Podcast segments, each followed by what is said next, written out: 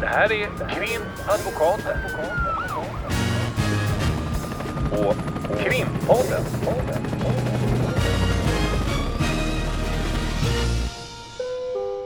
Parter och ombud kallas till sal 32. Hej Lotta!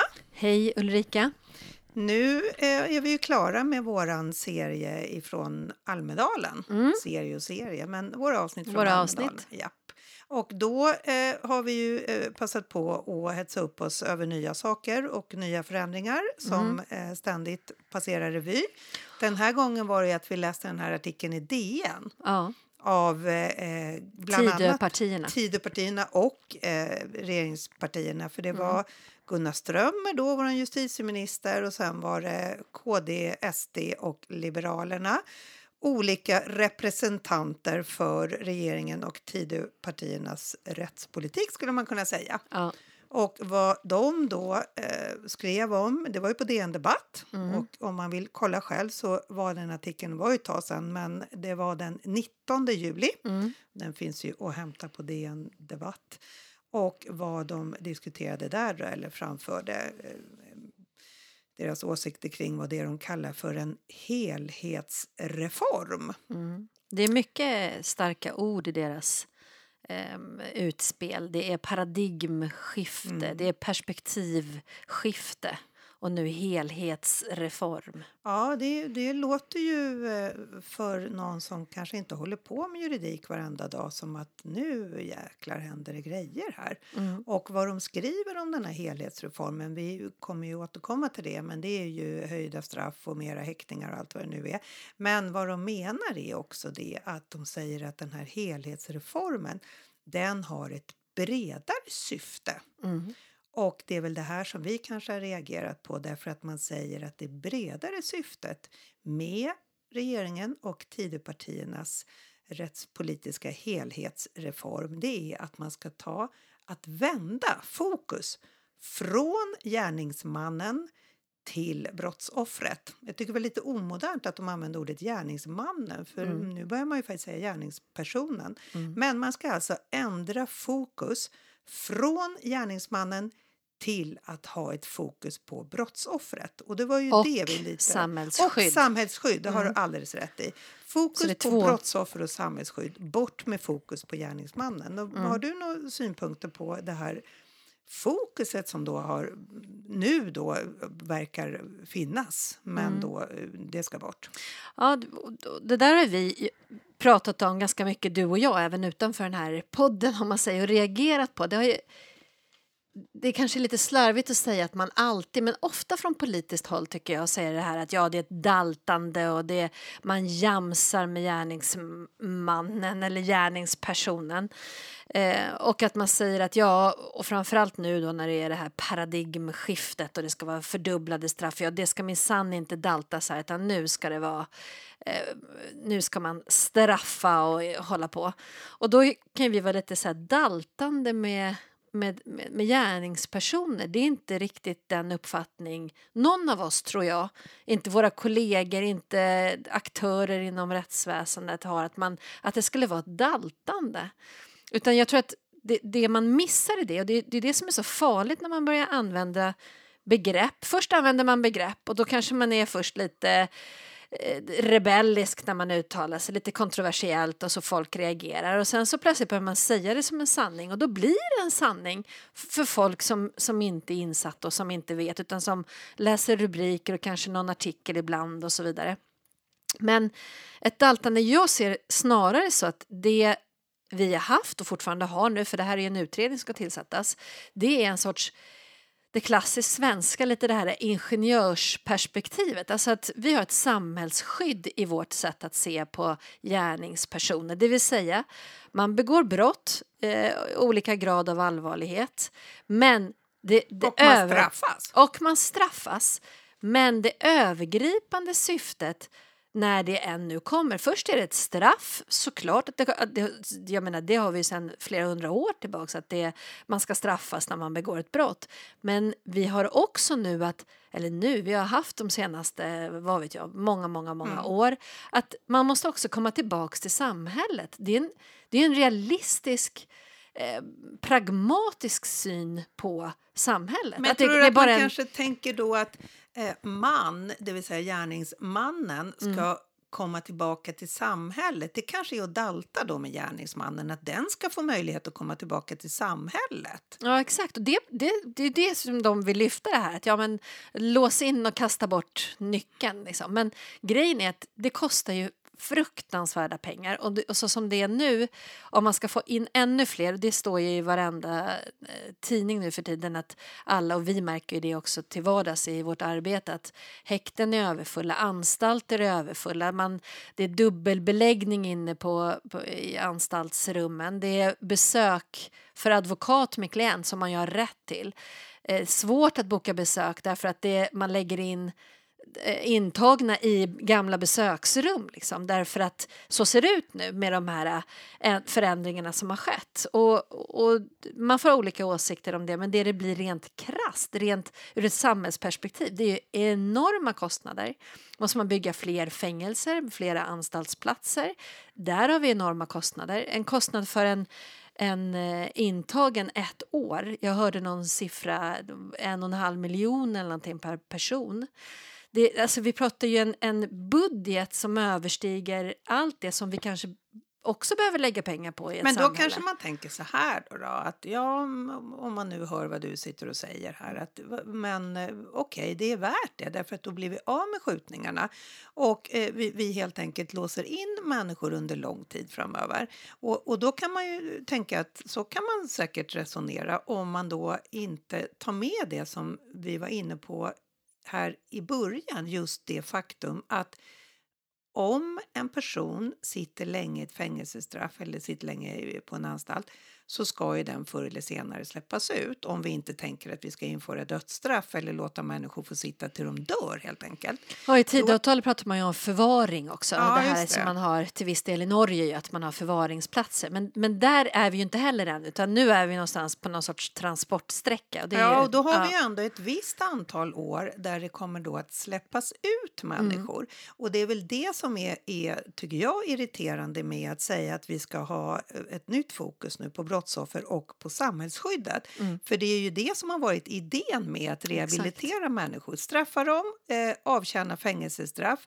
Under fängelsestraffet genomgå programverksamhet, få möjligheter till att skapa ett liv där vi i samhället vill skyddas mot ny brottslighet. Mm. Att de då som har suttit i fängelse ska sluta begå brott. Ja, och komma tillbaka och bli samhällsmedborgare som Ja. då också bidrar till intäkterna till staten. Nu pratar vi väldigt krasst, liksom. Ja. men om man ska se. Och därför är det ju det här som de också säger att vi inte längre ska ha villkorlig frigivning, för det är också ett, ett daltande.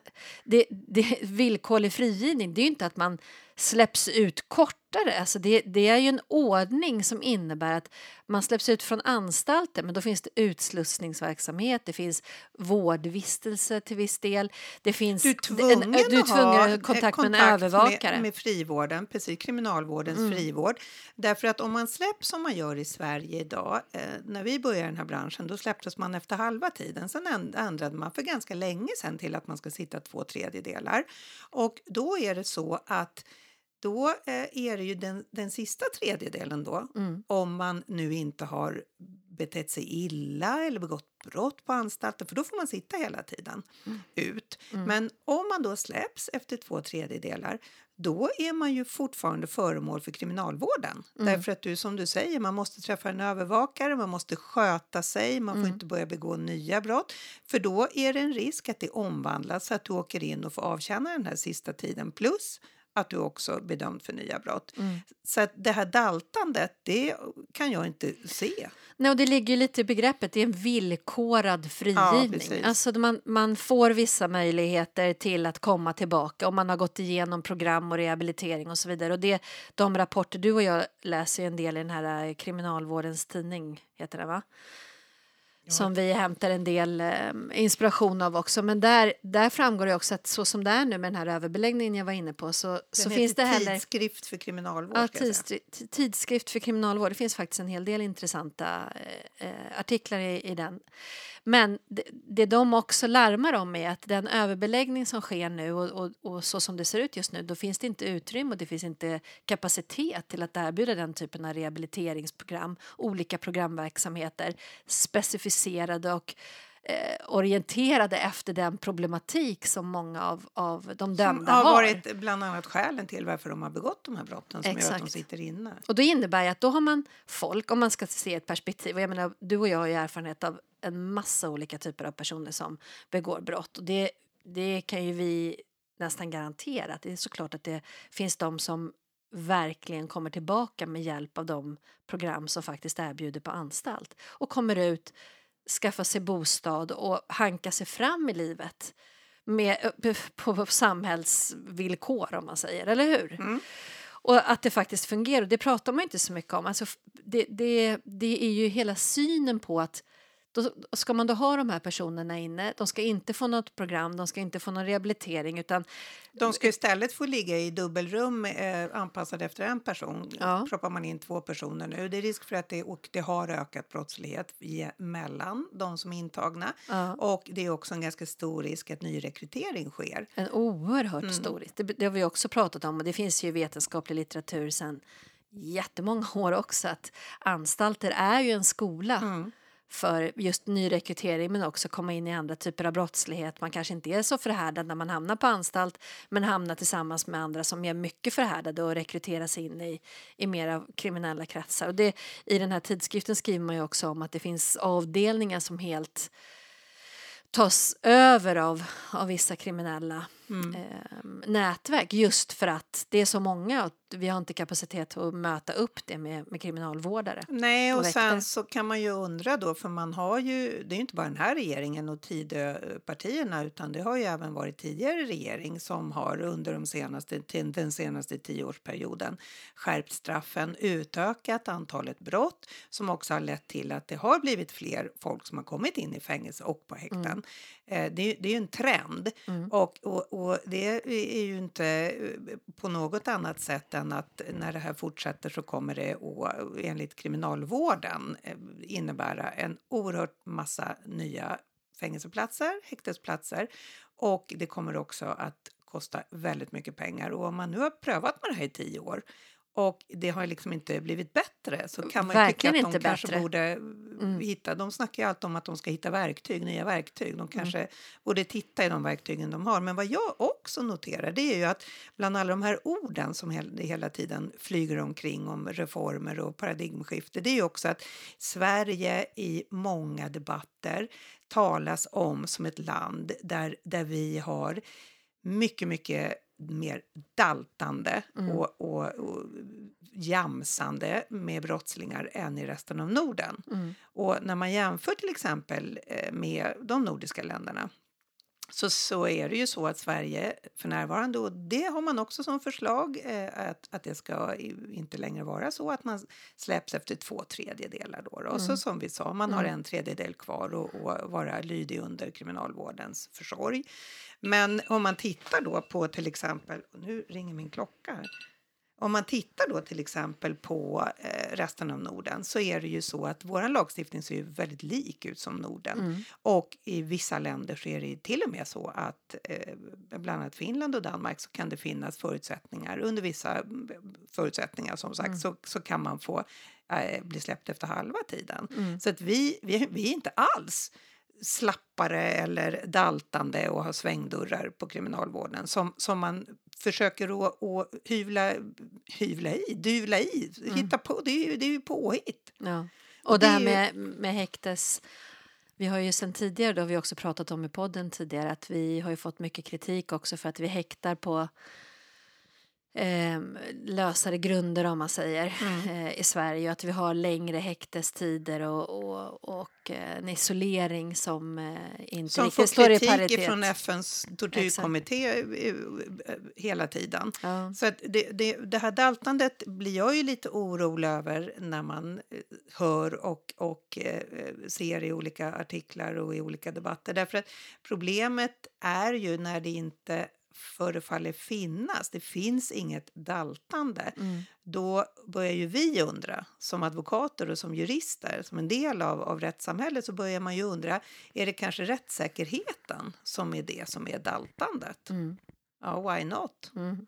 Men sen tänker jag också på det här med att man ska eh, nu också rikta fokus mot brottsoffren. Mm. Och där har vi ju också lite synpunkter. Hur, vad, vad, har vi, vad har vi för synpunkter där?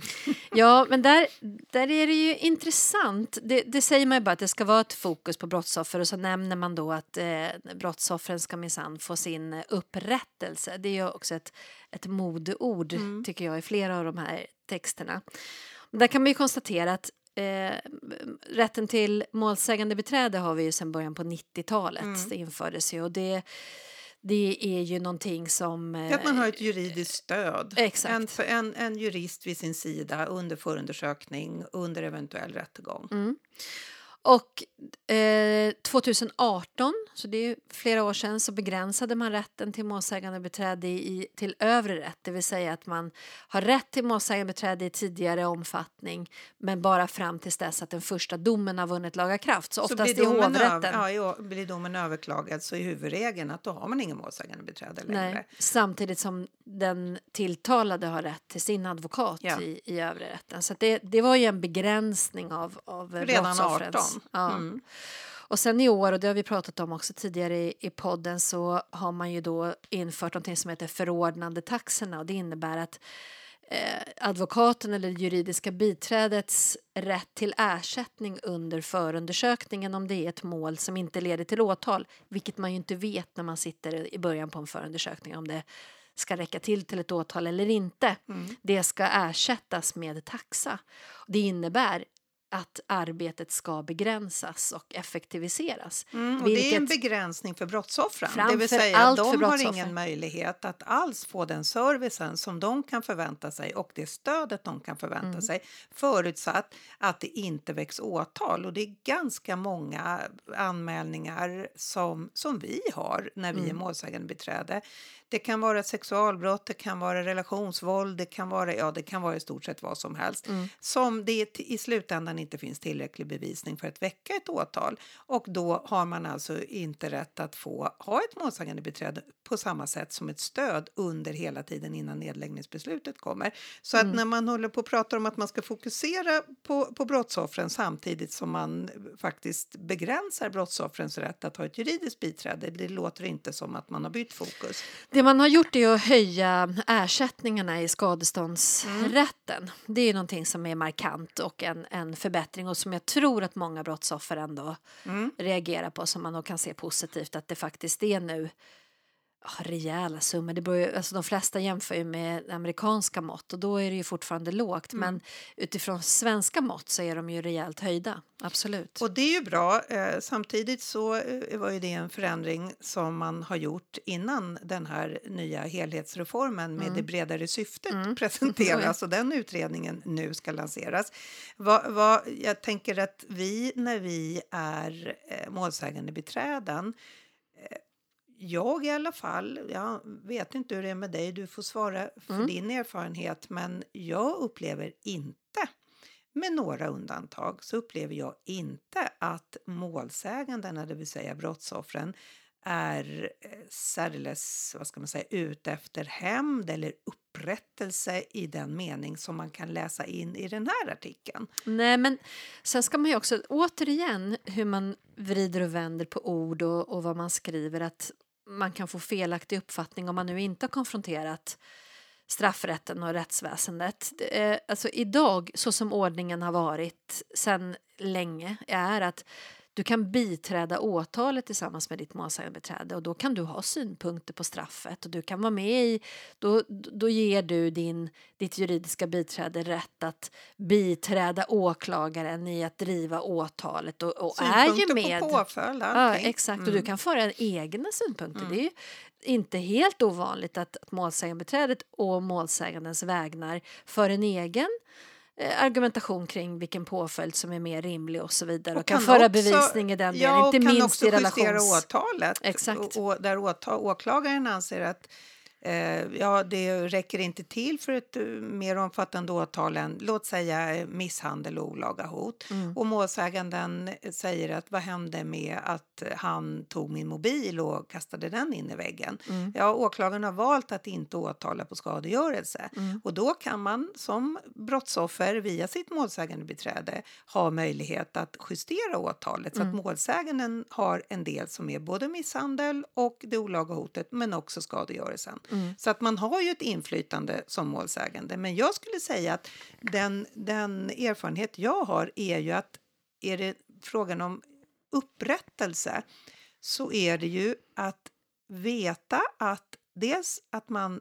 hörs av polisen, man får möjlighet att komma till tals. Mm. Man känner att man också får en återkoppling från polisen, kanske via sitt målsägandebiträde, men att man är med i processen. Att det väcks ett åtal Mm. och att man går på en rättegång. Mm. Man kan antingen då bli personen i fråga frikänd eller fälld. Blir personen dömd så upplever man att bra, nu har jag i alla fall kommit till tals hela Mm. den här vägen och jag är jättenöjd med polisens arbete och åklagarens insatser. Mm. Förhoppningsvis också målsägandebiträdets insatser.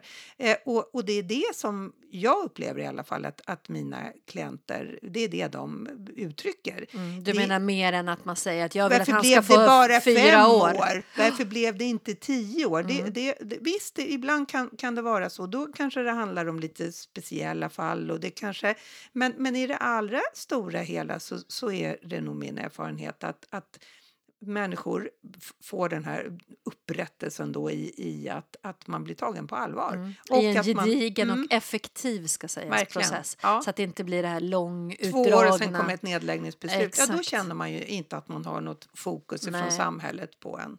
Nej, nej jag, håller med, jag håller med dig i det av min erfarenhet också. Men i, i den här artikeln och i den utredning som de ska tillsätta då säger man ju bland annat att, att häktningar också ska ske utifrån skyddet för brottsoffer. Och det är återigen då, jag menar ju på att häktningar inte sällan är just för man, man talar ju om olika grunder då när häktning kan ske. Och då är det bland annat något som heter recidivfara och det är en återfallsrisk. Och där är det inte sällan man gör en bedömning utifrån brottsofferperspektivet om man säger. Alltså hur sannolikt är det att den här personen kommer återfalla i brott, till exempel inom relation. Har, hur har det sett ut tidigare och, och hur, vad är det för typ av brott som har skett nu? Och det menar jag ju är ju till viss del, även om det inte kanske uttrycks i klartext, så är ju det till skydd för för brottsoffren Ja, eller presumtiva Ja, brottsoffer. ja. Liksom att, att man inte ska drabbas av, av återkommande brottslighet. Ja, när de säger personen. då att häktning ska i flera fall då, eh, det ska bli fler häktningar just för att skydda brottsoffer. Och då säger du det finns redan. Det är det, att som är en finns. av Det är det. Det är inte bara vad du menar, det är vad som står i rättegångsbalken. Ja, men jag vet ju inte vad de tänker. För Nej, de, de bara kastar sig med, med vad, vad, som, vad de tänker men de, de konkretiserar det ju inte utan de tillsätter ju en utredning. Ja, och då talar de om då att det ska skydda brottsoffren när det redan finns den här recidivfaran som är en häktningsgrund som Mm. innebär att du blir häktad om det finns en risk att du ska återgå i brottslighet om du är på fri fot Mm. innan åtal väcks. Och sen så ska man också då häkta flera för att som de säger säkra bevis. Mm. Det är, en, det är en, en till sån här konstighet eftersom vi har en andra häktningsgrunden som Mm. är just det kallas för kollisionsfara och det innebär att om det finns risk att den som är misstänkt på fri fot på något sätt ingriper, förstör eller liksom, ja, Mm. påverkar en utredning, påverkar bevisningen, ja då ska man vara häktad och det ska man vara med restriktioner också. Ja. Så det, om, om vi ska prata om ordlek så är det ju ganska besynnerligt att man framför här då att man ska häkta just för att skydda brottsoffer och säkra bevis när det redan finns. Och det, och det är våra huvudgrunder ska Ja, sägas till. ja, alltså det är det vi alltid pratar om i Ja. häktningsförhandlingar i stort sett. Och sen tänker jag också att man då säger att jag man ska då i den här utredningen också eh, ta bort de här så kallade billighetsskälen, det vill säga att det nu kan ses som en... Eh, om du till exempel förlorar ditt jobb så ska det beaktas när man bedömer straffet på den, på den dömda.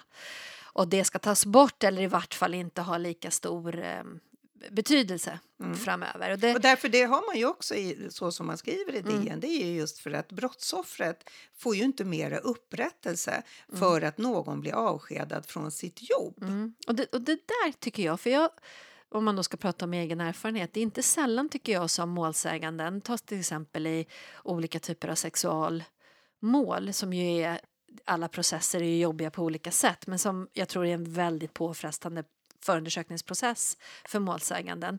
Men att man ändå härdar ut och man, man medverkar och man kämpar sig igenom det här.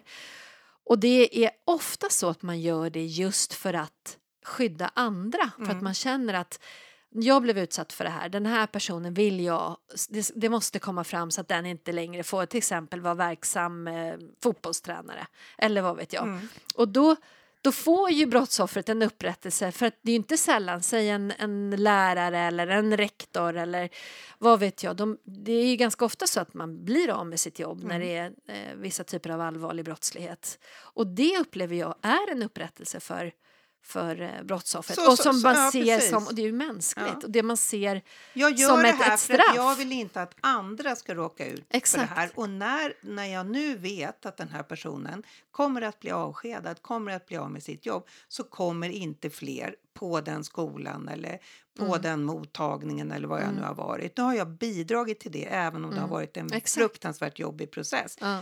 Så, då, då, har man ju inte heller riktigt tittat efter hur verkligheten ser ut. Nej. Men jag tänkte när vi, när vi har pratat om det här eller när vi läste den här artikeln båda två och, och gick väl mer eller mindre i taket, då var det just det här, allting finns ju redan. Hur, vad är det man vill mena med dessa ord då? Som man kanske för en bredare allmänhet uppfattar, men det är väl bra att man ska satsa på brottsoffer. Mm. Eh, då kanske man också ska göra det på riktigt mm. och sen eh, kanske inte... Eh, det blir ju lite att tala med kluven tunga och risken finns ju då det här med daltandet med, med, med med brottslingar och gärningsmän. Mm. Eh, att eh, när det inte egentligen finns något sånt och det finns en risk då att det blir rättssäkerheten man ska börja peta i. Det, mm. det, det, är en, det har vi pratat om tidigare och det orkar jag inte ens tänka på vad det skulle få för konsekvenser för hela vår vårt statsskick och vår demokrati. Men, men det som vi har slagits, om, slagits över när vi inte riktigt kan se hur, hur man satsar på de här brottsoffren och hur det ska ske ja. är ju just att det kanske finns en risk att man börjar dra in brottsoffrens känslor. Att vi mm. inte har att det är staten som straffar och staten som tar det ansvaret. Så att vi inte själva springer omkring och, och, och hämnas och sånt. Mm. Vi har ju ett sånt system som är ett väldigt bra system och funkar där vi inte blandar in känslor. Mm. Om man då jämför med i USA till mm. exempel där man låter... Där man, har, man öppnar upp för möjligheten ska säga. Det är, mm. inte, en, det är inte en huvudregel. Men, Nej, men alltså, möjligheten är ju inte att... tvungna att Nej. sitta och titta på avrättningar men de blir ju inbjudna. Mm. De och blir också inbjudna till att ha synpunkter på straffet på ett väldigt mycket mer aktivt sätt. Mm. Till exempel om det är anhöriga så får de vara med i att, att vara med i bedömningen om det är en person, hur länge den ska sitta och så vidare. Så mm. jag förstår att den är det möjligheten det man, finns. Är det det, är det, då tänker man så här, är det det de är ute efter? De är inte så vidare tydliga utan de använder ju bara ord för saker som redan finns mm. i, i ett syfte, som jag ser det i alla fall, att, att få människor att tro att här är man handlingskraftig, här gör man grejer, här förändrar man. Mm. Och sen så är det ju det, det är snarare att man försämrar mm. och att man heller inte är ärlig med att beskriva hur det egentligen ser ut. Mm. Exakt. Ja, men vi får väl se vad de kommer fram till. Men vi, vi kan ju säga att från vår sida är vi, tycker vi att det är oroligt. Ja, verkligen. Mm. Men och, alltså, och, du menar icke-roligt? Icke-roligt. Men och, och, och, så kan man ju tycka så här då, vad är allt det här? Alltså det, det är ingen hemlighet att det, det händer så mycket och det är så mycket snack nu för alla med, med skjutningar och sprängningar och i den här artikeln så, så säger man väl också det här att det är oskyldiga som drabbas. Jag tror de till och med drog till med någon siffra om att det är en i månaden förra året och, och så vidare. Um, och med, med gängkriminaliteten och så här, och det, det som vi ju diskuterar och det man diskuterar från alla möjliga olika håll uh, som är kunniga och involverade i allt sånt här det är ju att de åtgärder som diskuteras och som man tillsätter utredningar till på väldigt många olika sätt det kommer nog i större omfattning drabba de här eh, vanliga vanliga, eh, vad säger man, brottslingarna, de här som vi har haft i alla år. Liksom. Det här att man vill ta bort... Där brottsligheten har gått ner. Ja, där brottsligheten mm. faktiskt har gått ner och det pratar vi ju inte om. Givetvis, det tycker vi väl alla, så är gängskjutningar som, som sker eh, på vanlig tid och på allmänna platser ett problem. Men vi måste ju prata om hur vi verkligen kommer åt det, kanske snarare än att så, vad, vad, heter det där, slå på stor trumma som mm. vi brukar återkomma till, eller hur? Mm. Som kanske inte har en, en verkan på riktigt i, i det som faktiskt som vi måste komma åt. Ja, med tanke på att man, som vi var inne på tidigare, man har ju under en ganska lång tid bakåt i tiden, tioårsperiod, ändå skärpt straffen och, och har fler häktningar eller personer häktade och, och utökat brottskatalogen så, så ser man ju ingen skillnad. Det är ju snarare så att det har blivit värre när det mm. gäller de här skjutningarna och sprängningarna mm. och allt det här. Mm. Men, men, och då har man ju ändå en tioårsperiod att titta på. Ja. Och, och, och, och, göra det seriöst och allvarligt och titta på hur ska vi bli av med det här mm. på ett sätt som inte bara är att sätta in åtgärder, använda fina ord eller ord med en, en, en, betydelse som gör att man tycker att det är nu jäklar ska vi ta tag i det här. Nu ska vi sätta inte... in dem på jättelång tid. Mm. Samtidigt mm. som under den här tioårsperioden så har man väl monterat ner stora delar av av samhällsinstitutioner. Och, mm. och jag tror ju att var och en, och kanske framförallt de som lyssnar på den här podden, vet ju att det är faktiskt så det ser ut. Minskat närvaro av eh, polisstationer på olika platser i, i samhället mm. eller socialtjänsten, resurser, socialtjänsten går på knäna och så vidare. Det här som vi alltid är inne på, de här som man inte tycker är lika, det är inte lika handlingskraftigt Nej, för det är så långsiktiga det är, det är lite fjolligt helt enkelt. Ja. Och det vill man inte snacka om. Ja, exakt. Jag tror framför mer fjollighet. Om man Kanske nu ska använda idiotord. Ja, framför mm. mer fjollighet. Det får bli våra slutord. Ja. Mm. Tack och hej. Tack och hej. Krimpodden.